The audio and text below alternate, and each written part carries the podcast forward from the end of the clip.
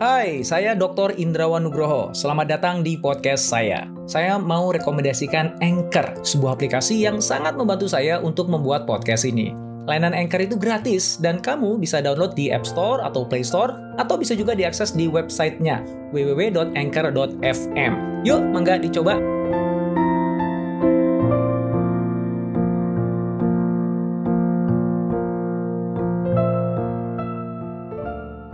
Tahukah Anda bahwa saat ini pasar kelas menengah mulai menghilang? Tren ini disebut dengan market bifurcation, di mana pasar terbelah menjadi dua, yaitu pasar kelas bawah dan pasar kelas atas. Sementara pasar kelas menengah semakin mengecil.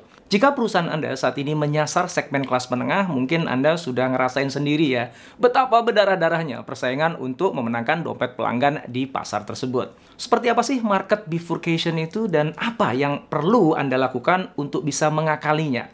Yuk, kita cari tahu.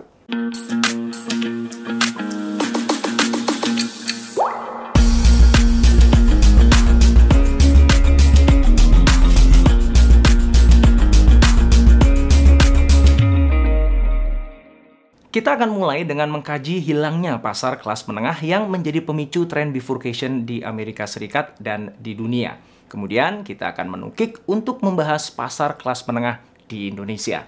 Terakhir, kita akan mengulas bagaimana Anda dapat mengatur strategi bisnis agar bukan hanya tetap bisa bertahan, tapi justru bisa bertumbuh dengan memanfaatkan tren bifurcation ini. Hasil survei Deloitte pada tahun 2018 terhadap lebih dari 2.000 responden di Amerika Serikat menemukan bahwa para retailer yang menjual produknya dengan harga nanggung, yang memberikan nilai melalui kombinasi harga dan promosi, umumnya berkinerja lebih buruk daripada mereka yang menjual dengan harga serendah mungkin. Atau mereka yang memberikan nilai melalui penawaran produk atau pengalaman unggulan yang unik dengan harga premium. Dalam lima tahun, pendapatan para retailer premium melonjak 81%.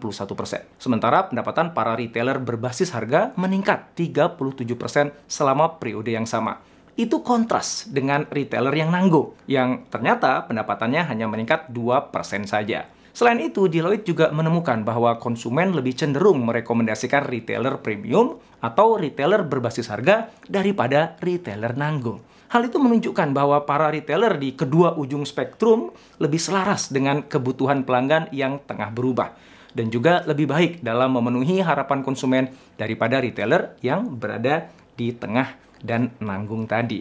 Terlepas dari tren ekonomi makro yang positif di Amerika, ternyata 10 tahun terakhir ini sebenarnya merupakan periode yang buruk bagi kebanyakan warga Amerika. Mereka yang berada dalam kelompok berpenghasilan rendah mendapati dirinya berjuang untuk memenuhi kebutuhan. Sementara kelompok berpenghasilan menengah menemukan kemampuan belanjanya semakin mengecil. Hal itu disebabkan karena biaya-biaya yang melonjak secara drastis. Biaya perawatan kesehatan misalnya telah meningkat 62%, pendidikan 41%, makanan 17%, dan perumahan 12%. Tren bifurcation nggak hanya terjadi di Amerika Serikat. Negara-negara di Eropa juga mengalami hal yang sama. Para ahli di International Labour Organization menemukan hubungan langsung antara peningkatan ketidaksetaraan pendapatan yang terus terjadi di negara-negara Eropa dengan berkurangnya kelompok konsumen berpenghasilan menengah di negara-negara tersebut. Di tahun 2019, Organization for Economic Cooperation and Development atau OECD mengeluarkan laporan yang punya kesimpulan yang sama.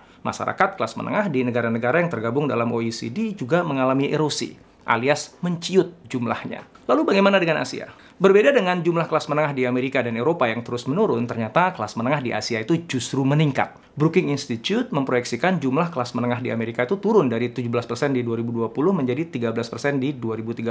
Lalu di Eropa itu akan turun dari 20% di 2020 menjadi 14% di 2030. Sementara itu, jumlah kelas menengah di Asia justru diproyeksikan akan naik dari 54% di 2020 menjadi 65% di 2030. Nah, kalau Indonesia gimana? Data dari Bank Dunia menunjukkan bahwa kelompok kelas menengah di Indonesia bertumbuh paling cepat dibandingkan kelompok lainnya, yaitu 10% per tahun antara 2002 hingga 2016.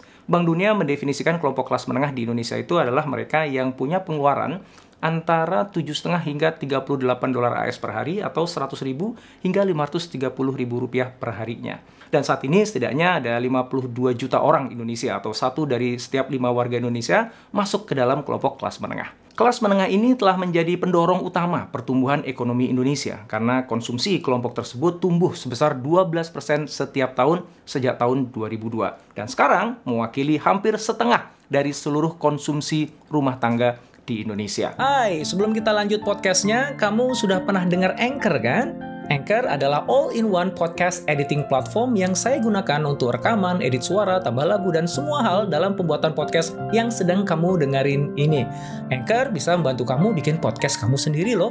Caranya gampang, tinggal download dari App Store atau Play Store, atau bisa juga diakses di www.anchor.fm. Download Anchor sekarang ya. Karenanya, maka kemudian di bulan Juli 2020 lalu, Bank Dunia pun menaikkan status Indonesia menjadi negara berpenghasilan menengah atas. Kepala Makroekonomi dan Financial Institute for Development of Economics and Finance atau INDEF, Abdul Manan Pulungan mengingatkan kita untuk nggak terlalu berbangga dengan kenaikan jumlah kelas menengah di Indonesia. Kelas menengah yang tumbuh itu masih baru katanya. Mereka hanya kuat di sisi konsumsi, bukan produksi. Sehingga saat ini justru menjadi pasar impor. Pandangan itu selaras dengan laporan McKinsey Global Institute yang menyebutkan bahwa pertumbuhan ekonomi Indonesia bertumpu pada faktor konsumsi. Tidak seperti macan Asia lainnya yang pertumbuhannya lebih mengandalkan sektor ekspor dan manufaktur. Kelas menengah Indonesia itu gemar mengkoleksi kartu kredit, belanja gaya hidup, dan berhutang untuk belanja konsumtif seperti membeli motor atau gadget baru. Itulah yang kemudian menjadikan kelas menengah di Indonesia sangat rentan terhadap gejolak ekonomi. Data dari Bank Dunia menunjukkan bahwa di Indonesia hanya 50% dari mereka yang telah menjadi kelas menengah di tahun 2000 mampu untuk bertahan berada di kelas menengah pada tahun 2014. Sementara 40% sisanya turun menjadi aspiring middle class atau calon kelas menengah. Dan 10% lainnya malah justru kembali menjadi kelompok miskin atau rentan miskin pada tahun 2014. Selain perilaku konsumtif, hilangnya kelas menengah itu menurut Sofian Manandi, Ketua Asosiasi Pengusaha Indonesia Apido pada saat itu, juga dikarenakan sulitnya usaha kecil untuk bisa merangkak naik menjadi perusahaan kelas menengah. Hal itu disebabkan oleh sulitnya bersaing dengan produk-produk impor. Nah, ketika pandemi COVID-19 masuk ke Indonesia di tahun 2020, kelompok kelas menengah ini langsung goyang kondisi finansialnya. Akibatnya, banyak dari mereka yang kemudian turun kelas menjadi aspiring middle class, bahkan sebagian lagi masuk ke dalam kelompok miskin. Maka di bulan Juli 2021 ini Bank Dunia menurunkan status Indonesia dari negara berpenghasilan menengah atas, status yang kita baru aja peroleh setahun yang lalu, kembali menjadi negara berpenghasilan menengah ke bawah. Berkurangnya jumlah kelompok kelas menengah ini adalah berita buruk bagi bisnis yang menyasar kelas menengah dan mengandalkan pertumbuhan daya beli untuk bertumbuh. Hal ini juga menjelaskan kenapa saat ini terjadi persaingan ekstrim di antara bisnis yang menggarap segmen ini. Dengan pertumbuhan daya beli pelanggan yang terbatas, ya satu-satunya cara bisnis untuk dapat mendongkrak pertumbuhan di atas rata-rata adalah dengan mencoba mengambil pangsa pasar dari para pesaingnya. Jadi apa dong yang perlu Anda lakukan jika perusahaan Anda saat ini menyasar kelompok menengah? Ternyata retail yang akan sukses menggarap pasar menengah itu adalah mereka yang memahami situasi finansial konsumennya kemudian menawarkan proposisi nilai yang selaras dengan kebutuhan mereka, baik dari sisi kategori produk maupun dari posisi harganya. Deloitte melakukan kajian lanjutan di tahun 2019 dengan melibatkan 3.000 responden dan 1.100 merek. Tujuannya adalah untuk melihat hubungan antara kondisi finansial konsumen dengan produk yang mereka beli. Ada tujuh kategori yang mereka teliti, yaitu pakaian, sepatu, makanan, minuman, kesehatan dan kecantikan, elektronik, dan mainan atau hobi. Mereka menemukan bahwa ketika kondisi finansial konsumen meningkat, maka belanja di semua kategori tersebut meningkat. Ya iyalah ya. Tapi, nah nih, yang paling signifikan meningkatnya adalah kategori pakaian, kesehatan dan kecantikan, elektronik, dan mainan atau hobi. Sementara ketika kondisi finansial turun, maka belanja pakaian yang paling mengalami penurunan, diikuti oleh belanja sepatu, minuman, dan elektronik.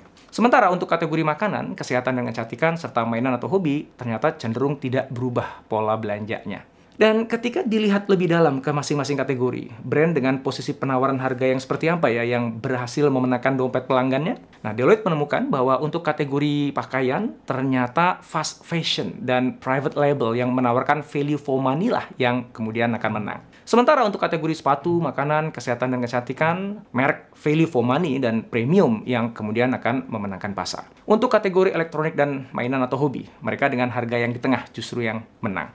Nah, menariknya untuk minuman, justru merek premium yang akan menang. Deloitte juga menemukan bahwa kecenderungan pembelian online versus membeli di toko itu sangat berkorelasi dengan pendapatan. Konsumen berpenghasilan rendah 44% lebih berpeluang untuk berbelanja di retail diskon, supermarket, dan department store dibandingkan mereka yang lebih kaya.